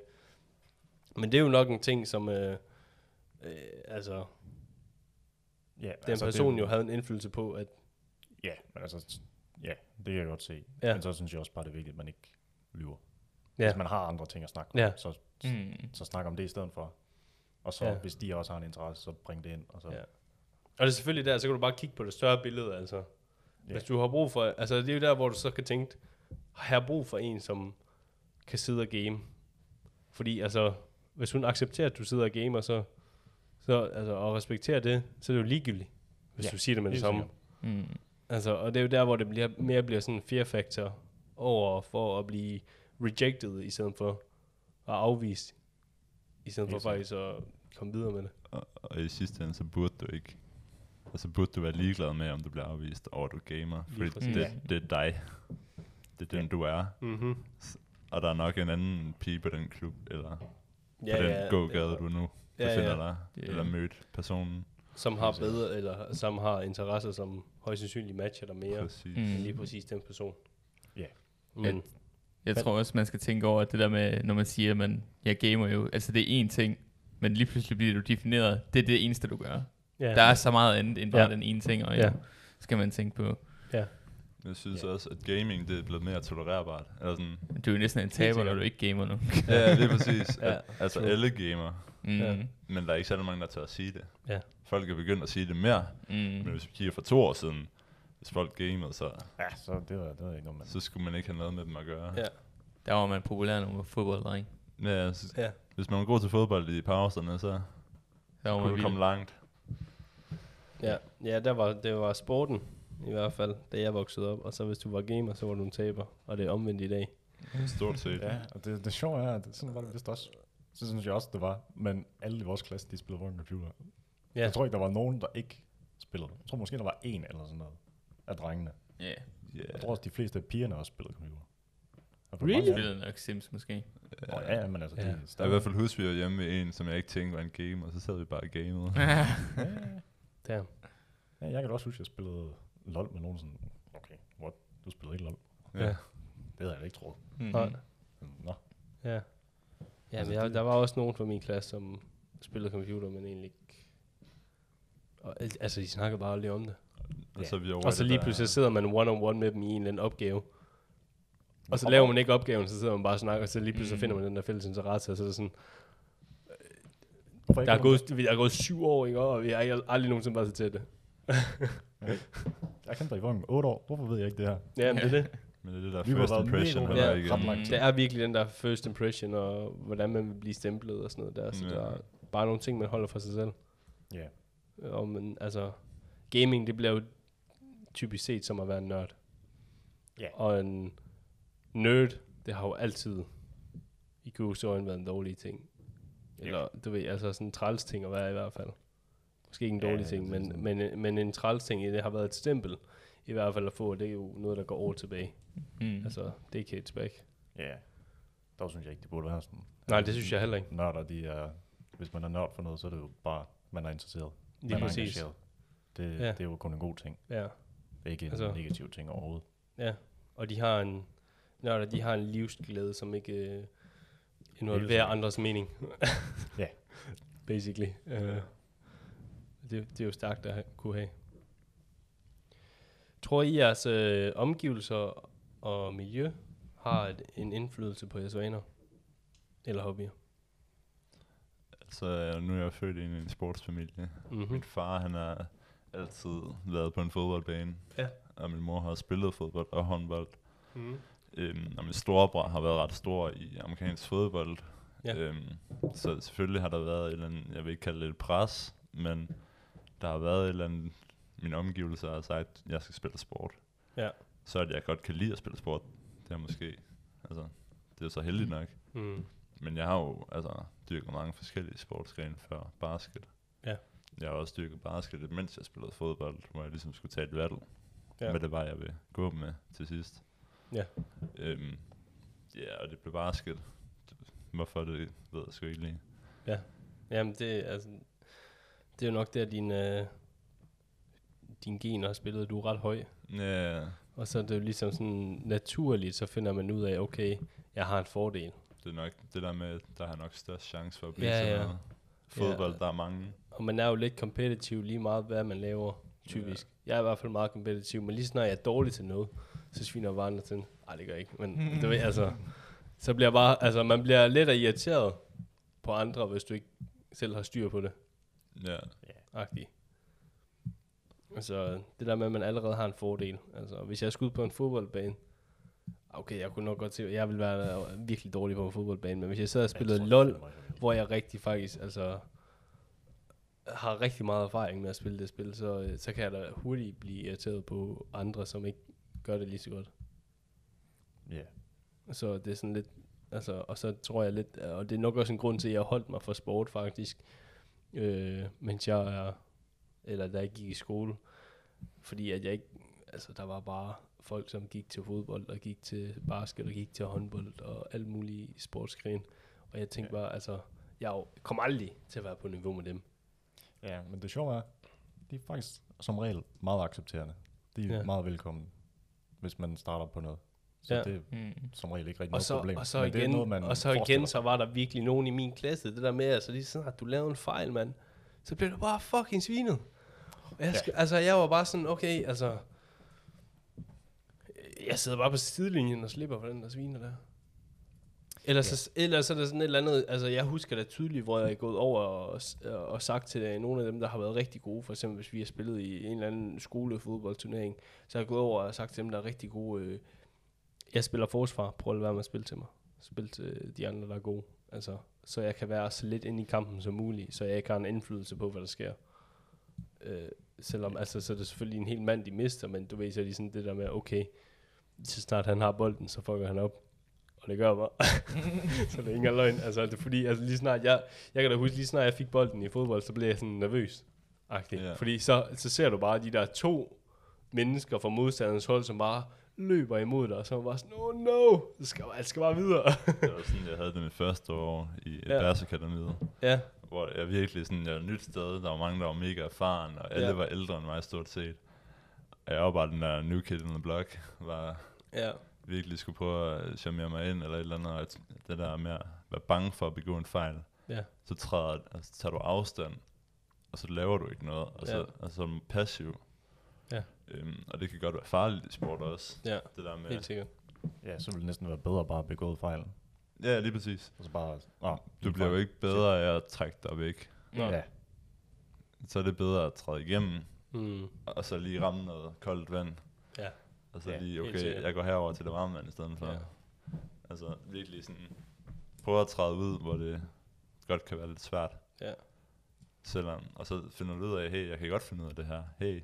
mm, Og så bliver du accepteret på holdet. Bliver du accepteret på legepladsen. ja. Øhm, ja, og Men så, der er helt klart den der, al- der vil altid være den der fear factor om at blive, blive svinet, føler jeg. ja, Altså, ja. den er der bare lige så snart det kompetitivt, og det er en holdsport. Og det er også noget der. derfor, man træner jo. Ja. Altså, Mm. Det er derfor, man Ja. har træning. Ja, det er det. Og det er der, hvor, hvor man bliver nødt til at du ved, kunne kigge ind i sig selv og kigge på sin egen personlige udvikling og sådan noget. I stedet for at give en fuck om verden, de tænker om en. Bestemt. Altså, ja. don't think about it. Altså, jeg siger ikke, at svinerne ikke kan komme til træningen. Ja, Ja. Det er jo sket. ja. Men Ja, ja. Det sker jo. Man træner for Men, men som man vokser op, altså så typisk, jo ældre man bliver, så kan man også godt se det, okay, min fejl. Altså, Ja, du altså- ved selv, okay, det giver mening, når du siger det sådan der, okay, ja, ja. Ja, jeg ved Men- godt, jeg skulle have gjort det der. Ja, men, men som barn, så rammer den også over, altså når du bliver ældre, så lige så snart du laver det, eller der sker et eller andet, så er man sådan, okay, dude, jeg har allerede fucket Ja, ja, lige snart du har erfaring inden for Ja, faget, så ved lige du præcis. Altså, så ved du også, når du har begået en fejl, og du ved, at du kommer til at få en sviner, og så, altså, godt. Ja, så rammer Ja. den ikke så hårdt. ja, lige præcis. Som når du gør dit bedste på Ja, ja. fodboldbanen i 7. klasse. Ja, ja, og så alligevel, så bliver du bare svinet, dude, og man er bare sådan, damn it. Ja, Altså, så er det der, man trækker sig i hvert fald. ja præcis. Ja, altså så er det eneste, det kræver, det er, at øh, man laver en fejl, og så Ja. ja. får man ikke lort. Så Ja. ja. får man bare opbakning. Ja. Og så er det helt væk. Så tænker man ikke rigtig sådan mere. Ja, Så skal man bare have den der, okay, den her gruppe mennesker, de vil faktisk bare, at jeg klarer mig godt. Ja. Og så, hold opbakning, det er Det er sygt vigtigt at finde den gruppe, hvor altså, Mhm. uanset hvad man laver, så er der nogen bag dig, Ja, ja, der siger godt gået. Mm. ja godt forsøg. Det, Ja, Kom igen. du har den næste gang. ja. Selvom det fylder mindre end det negative. Det negative, der rammer bare hårdt. Ja. Og jo mere positivt der er, det hjælper ligesom med at, med at bygge op. Ja. Ja, Den og det meste af det, det er også bare overtænkning. Ja. Man overtænker det. Man 100%. tror, det er værre end Ja. er, og så Ja. er det egentlig ikke rigtigt. Ja. Så Enig. Uffe, føler du, at dine øh, omgivelser og miljø har indflydelse på dine vaner eller miljø? altså sådan, sådan Eller hobbyer, altså, undskyld. det er sådan, ikke rigtig på mine hobbyer, synes jeg Nej. ikke rigtigt. Det, Altså sådan vaner, måske. altså sådan, sådan nogenlunde, ikke rigtigt, vil jeg ikke sige. Men altså sådan noget som, hvornår man spiser aftensmad. Jeg plejede jo at spise Mm. aftensmad sådan klokken 7-8 stykker. Mm-hmm. Mm. Nu, nu spiser vi sådan klokken 5. Ja, det er fucking Ja, ja, seriøst. ja. Ja, det er sådan Ja. lidt. Men Så det, det var, at vi bare sultede mig til tidspunktet. Ja, Det kan- kan- Jeg er også ja. vant til, at der er maden. Altså sådan, at mine forældre og jeg, vi spiser, når jeg kommer hjem fra træning, der er kl. 20-21. Ja. Mm. Så at der er rester, det er perfekt. Ja, ja. Men ja. ja, ja. Jamen ellers tror jeg ikke rigtigt. Så meget andet. Nej. Ikke hvad Ja. jeg lige kom på. Hvad med dig, Mads? Øh, mine hobbyer, de er meget en del af min identitet, så det tror jeg ikke er påvirket på den måde. Men Så- så. sådan en vane, jeg måske har fået, jeg kommer jo fra servicebranchen. Ja. Øh, der er, når man øh, giver information, og så siger man, ja tak. Ja. Så det siger jeg rigtig tit, også i sætninger, men faktisk slet ikke, også til min mor. Ja. mm. Øh, ja tak. Og sådan, det var hvad mere? Ja. Nej, nej ikke mere. Ja. Men også så- sådan, når, man, når jeg går bag ved folk, så kan jeg også bare, bare råbe øh, back. Fordi vi er bag ved folk, så i stedet for at man lige svinger rundt og slår en i hovedet, Ja. så ved folk, man er bag en. Ja. Så det er sådan nogle små kommandoer, man ligesom Ja. har i vaner, Ja. man får. Men du tænker, altså det er jo så øh, nogle vaner, som smitter af, Mm. uanset hvilket miljø du er i. Men hvis, hvis med dit miljø og dine omgivelser ændrer sig, tror du så nogle af dine vaner, eller... Så tror jeg, jeg vil Hvis- smide hvis- de vaner hvis af du- andre måske. Jamen, hvad, hvis, du, hvis du flytter herfra i en enmandsbolig, tror du så, at du vil have de samme hobbyer øh, nu, Hmm. som du vil have, hvis du boede selv? Eller de samme vaner? Vil det ændre sig? Eller vil der stadig... Måske, altså, der er jo nogle måske. ting, der som nok går igen.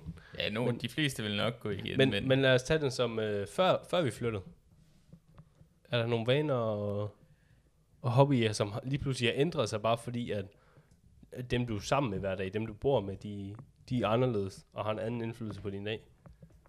Ja, helt sikkert. Jeg spildte i hvert fald meget af min tid, da jeg boede hjemme. Ja. Altså, det er meget tid, man bare bruger på ikke, jeg faktisk at glo ud i luften og ikke lave så meget. Ja. Ja. Så man er meget mere produktiv i hvert fald, når man er sammen med andre mennesker. Ja. Jeg synes også, der er en eller anden form for motivation, når der er andre. Mm. Mhm. Ja. For eksempel, øh, jeg tog ma- masser af Victor, øh, især, Mhm. mm-hmm. øhm, i meget sådan, I skal altid research et eller andet. Ja. Og så sidder jeg der med en computer, og ja, de andre gør det. Det kan godt være, at jeg skal måske ja. prøve at Ja. se, om der er et eller andet, jeg kan research på. Ja. Mhm. Eller, I don't know, men sådan, altså, da jeg boede hjemme, der var det bare ind ad døren ind på værelset. Mm. Her, så er det mere ind ad døren, lige kigge, om der er nogen inde i køkkenet. Lige se, hvem der er hjemme. Lige, ja. om der er nogen, der har lyst til at snakke. Ja. Ja. Og så op på værelset. Men, altså, Ja, ja. Så Ja. ja. vi, vi to, og Victor, vi kaster os bare ud i projekter ofte, altså. Det skal ske med Ja. det samme. Det, det skal ikke vente. Ja, fordi typisk når det venter, så kommer det aldrig til at ske. Så man vil hellere starte med det samme, fordi mm. så har du også en, en grund til at fortsætte med det. Det er det. Øh, fordi så, ellers så er der bare den der ting i baghovedet, og det er ikke færdigt. Og det er bare en irriterende tanke. Så, så start det med det samme, i hvert fald. Det er pivsmart. Det er spild af energi Ja. og tid at, at udsætte det hele tiden. Ja. ja. Altså før jeg... Så øh, håber det så bare op. Mm. Ja, før jeg flyttede, der var jeg jo, øhm, der var jeg utrolig meget, altså, og det var jo en ting, jeg havde fået for at rejse, og det var jo ligesom, da jeg kom hjem fra øh, Sydafrika første gang, faktisk. Øhm, jeg var afsted i to gange, fire måneder ad gangen, hvor da jeg kom hjem første gang, der tog jeg den beslutning for mig selv af, okay, jeg har ikke lyst til at studere. Øh, og det var ligesom der, hvor jeg begyndte at, at gå meget i dybden med, med online virksomheder og online webting, og, altså, og hvordan man kører brand, og hvordan man markedsfører online og sådan noget der. Og det var jo ligesom en interesse, som jeg ligesom fik startet, fordi at jeg tog et aktivt valg om, okay, lige nu skal der ikke ske mere i mit liv, altså som i en uddannelse. Altså jeg har ikke lyst til at blive til noget lige nu, så jeg bliver nødt til at tage ting to my own matter. Altså, nu har jeg, dem, nu har jeg selv min skæbne i hænderne. Ja. Og så er det jo der, hvor, du, øh, hvor jeg har øh, skabt en disciplin for mig selv, hvor jeg, altså, jeg, jeg var i, i, i fitness hver dag, og jeg spiste sundt, og jeg, var, altså, jeg gjorde rigtig mange ting for at optimere mig selv mentalt, øh, og, og, og kunne, for at kunne sørge for, jeg selv var disciplineret til at, til at kunne gå igennem med, med de ting, jeg satte mig for at lave. Mm. Øh, og det er jo altså...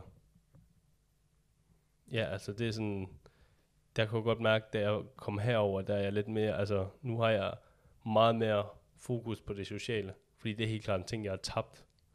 Øh, især fordi corona startede, da jeg kom hjem fra Sydafrika, der var jeg bare kun fokuseret på min egen udvikling, og jeg drak heller ikke alkohol på det tidspunkt. Jeg havde sådan en fire måneders periode, hvor jeg slet ikke drak overhovedet. Og jeg, altså, jeg så nærmest ikke nogen mennesker, øh, ja. udover min far, og jeg arbejdede så som vikar i en børnehave på det tidspunkt, og så arbejdede jeg øh, online ved en virksomhed, som hed Appen, øh, hvor jeg arbejdede 20 timer om ugen øh, fast. Um, så jeg arbejdede rigtig tit, og så lige så snart jeg var hjemme og havde tid til års, så fokuserede jeg på alt muligt andet, og det var blandt andet den tid, jeg også havde blacklistet YouTube, og du ved, skubbet det helt væk. Fordi så lige pludselig så bliver man ikke distraheret mere, og lige snart du er en uge eller to inde i det, så er det som om, du får bare al din glæde er, hvis man kan sige det sådan, altså dit glædeniveau det falder, men din, sådan, lige pludselig får du sådan en average glæde. Ja. Altså i stedet for, at øh, du får en ekstrem høj dopaminudløsning, hvis du for eksempel er på sociale medier eller sådan noget. Men Det hele det blev ligesom stabiliseret. Der var, der var ligesom en average line, som kørte det, og altså, tiden den fløj, og jeg lavede super mange fremskridt, og jeg synes, det var mega sjovt. Og det er helt klart nogle ting, jeg, altså, det er helt klart noget, jeg kunne have lyst til at gøre igen på et tidspunkt, men selvom jeg tog det ret ekstremt. Men jeg manglede den der øh, sociale, og det er også en ting, jeg har, føler, jeg har manglet, øh, da jeg har spillet meget computer. Altså, jeg manglede det, det at være med andre, Ja, det er også det, jeg har og kigge folk i øjnene. Altså, jeg synes virkelig, den er... Jeg har siddet og spillet computer i 10 år, jeg, jeg synes virkelig, den, den, den kommer bare og bider ind i røven. Altså det der med at, at kigge folk i øjnene, fordi jeg, ja, jeg var jo mega social derhjemme, sad og spillede computer og snakkede med en hel masse mennesker, men lige snart man kigger hinanden i øjnene, så er det bare en anden ting, Mm. og der er en anden akavedness, når man ikke kan blive set. Men det er også det der med, at man ikke... Altså på Discord, der kan du godt sidde og spille spil Ja. og være stille. Altså Mhm. mm-hmm. sidde 5-6 mennesker i, i en samtale, Ja, hvor der ikke bliver sagt noget. nemlig. Hvor der bare er helt stille, hvor det bare er spillet, der kører. Ja. Hvorimod, hvis du nu sidder rundt om et bord, fire mennesker med mikrofoner, Ja. og der er ikke nogen, der siger noget, så Ja. bliver det lige pludselig lidt akavet. Ja, det er fandme så. Ja, Så kan Ja. man godt mærke den der, at altså, ja altså, ah, der er noget helt andet ved at sidde ja, til stede. og kigge hinanden i Mm. øjnene. Ja. Og det er jo også en ting, man skal huske at træne. Ja, ja. Ja. Altså, som alt muligt andet. Og det er bare en ting, som ikke rigtig går op for en. Før det er sådan, lige så snart det er en vane at sidde foran en skærm og kun snakke med folk online, så, så føler du dig lige pludselig utilpas, når du faktisk er sammen med mennesker. Ja. Ja. Præcis. ja, altså jeg synes jo også, at når, det, for mig er det sådan lidt, lidt, lidt lige, lige sådan, Mm. men, øh, men for min familie, altså mine bedsteforældre og mine forældre, Mm-hmm. så synes jeg, det er helt underligt for mig at skulle snakke med dem over internettet eller over telefon. Så, er det sådan, Ja. Mm. Klart. så altså, at snakke i telefon med min familie, det er sådan lidt... Ja. Mm, så vil jeg hellere bare snakke med dem sådan Ja. ansigt til ansigt. Ja. Det er sådan lidt... Det, det føles helt underligt. Det føles akavet. Ja. For mig i hvert fald. Ja. Mm. Men så er det naturligt, når jeg sidder foran dem. Ja. Fordi det er jo sådan lidt den eneste måde at snakke med dem. Helt sikkert.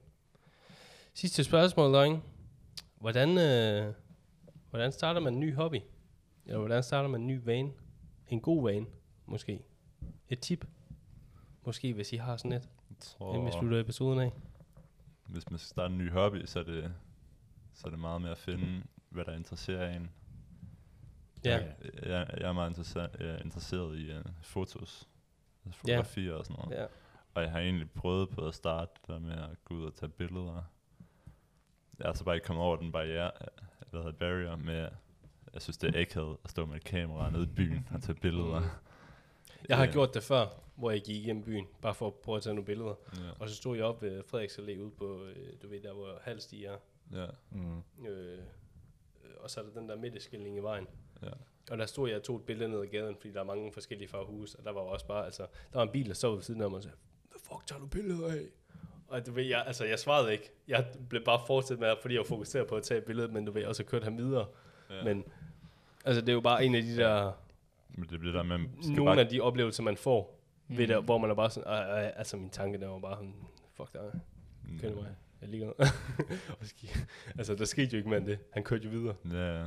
Og det ser mig aldrig igen. Jamen, jeg det kan det. ikke huske, hvordan du ser ud. Ja. Altså. Lige præcis. Ja. Whatever.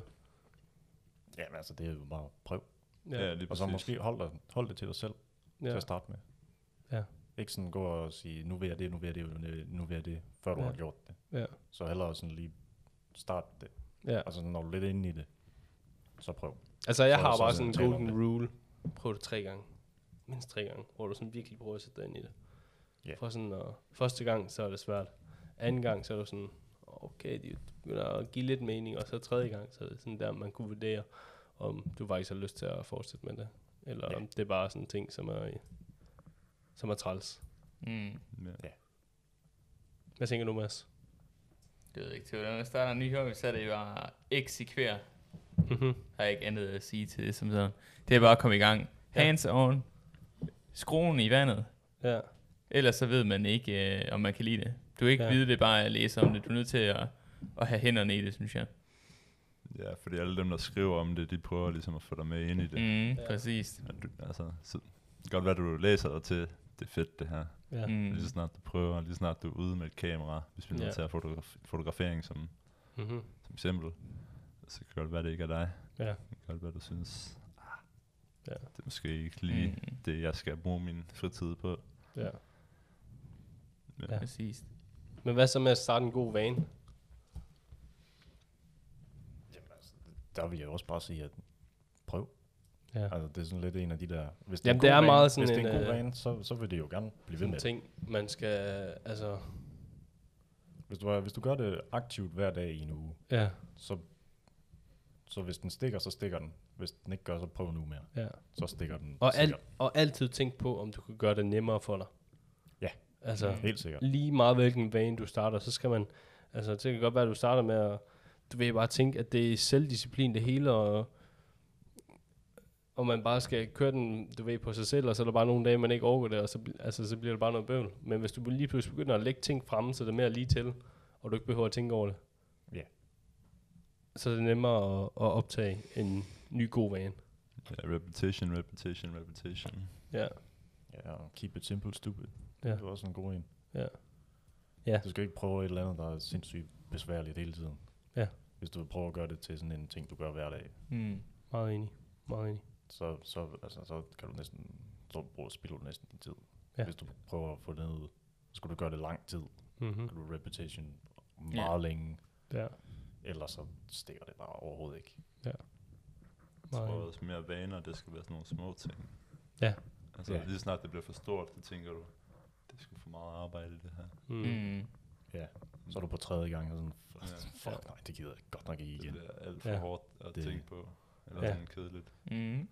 Altså, en vane, dem vil du jo helst have det på det tidspunkt, hvor du ikke tænker over det. Ja, lige præcis. Lige præcis. Så jo mere simpelt man gør det for sig selv, jo bedre. Det var også sådan, man starter med altså, dårlige vaner. Ja, Der er ubevidst, så bliver du ved med at bide negl, ja, Mm. hvis vi hopper tilbage til den. Ja. Og så lige pludselig Ja. ja. er det en vane med, at du bider negl, når der sker et eller andet spændende. og det er helt klart også en uh, måde, lige så snart, altså det bliver nemmere at gøre, så har man ikke på samme måde brug for den samme motivation Mm. til at gøre det. Fordi nogle dage, så vågner man jo meget af motivation, og andre dage, så er det bare en total lortedag til at starte med, og man ikke har noget motivation overhovedet. Men hvis du kan bare gøre det automatisk og simpelt i dit hoved, så det så lige til, Ja. og så behøver man ikke rigtig tænke over det. Lige snart det bliver automatisk, Ja. så er det nemt. Ja. Det er som at vedligeholde. Ja, Mm. altså, så kan det enten, altså, så bliver det jo nærmest en afhængighed. Og så Ja. kan man jo så gøre det til en, eller forhåbentlig starte en god vane, som er en afhængighed, som så også kan benefit i fremtiden. Ja. Ja. Ja. Drenge, jeg tænker, det var øh, det for denne episode. It's a rap. It's Ja. a rap. Der er ikke mere strøm. Nu øh, vores kamera løbet tør for strøm. Jamen, så er det nok en god Ja. timing til at stoppe. Det er en god timing til at stoppe. Øh, tusind tak for, for at I lyttede med til anden episode af Det Skæve Hus. Vi kom lidt i dybden med ja, nogle lidt, lidt længere end sidste gang. lidt længere end sidste gang. Måske uh, sidste gang, det var, det var lidt mere en, uh, det var en first time, Mm. uh, og man Ja. skulle lige ind i det. Og jeg uh, synes, det her det faktisk blevet en uh, super god episode. Og uh, nu har jeg også uh, set og hørt dagen. Dejlig dreng. Ja, good Ja. boy. Very good boy, som vi, som vi nævnte i sidste episode. Men uh, tusind tak, fordi I har lyttet med. Ja. Vi ses i, uh, i næste episode. Det gør vi. Goodbye. Goodbye. Goodbye. This. Please. This is-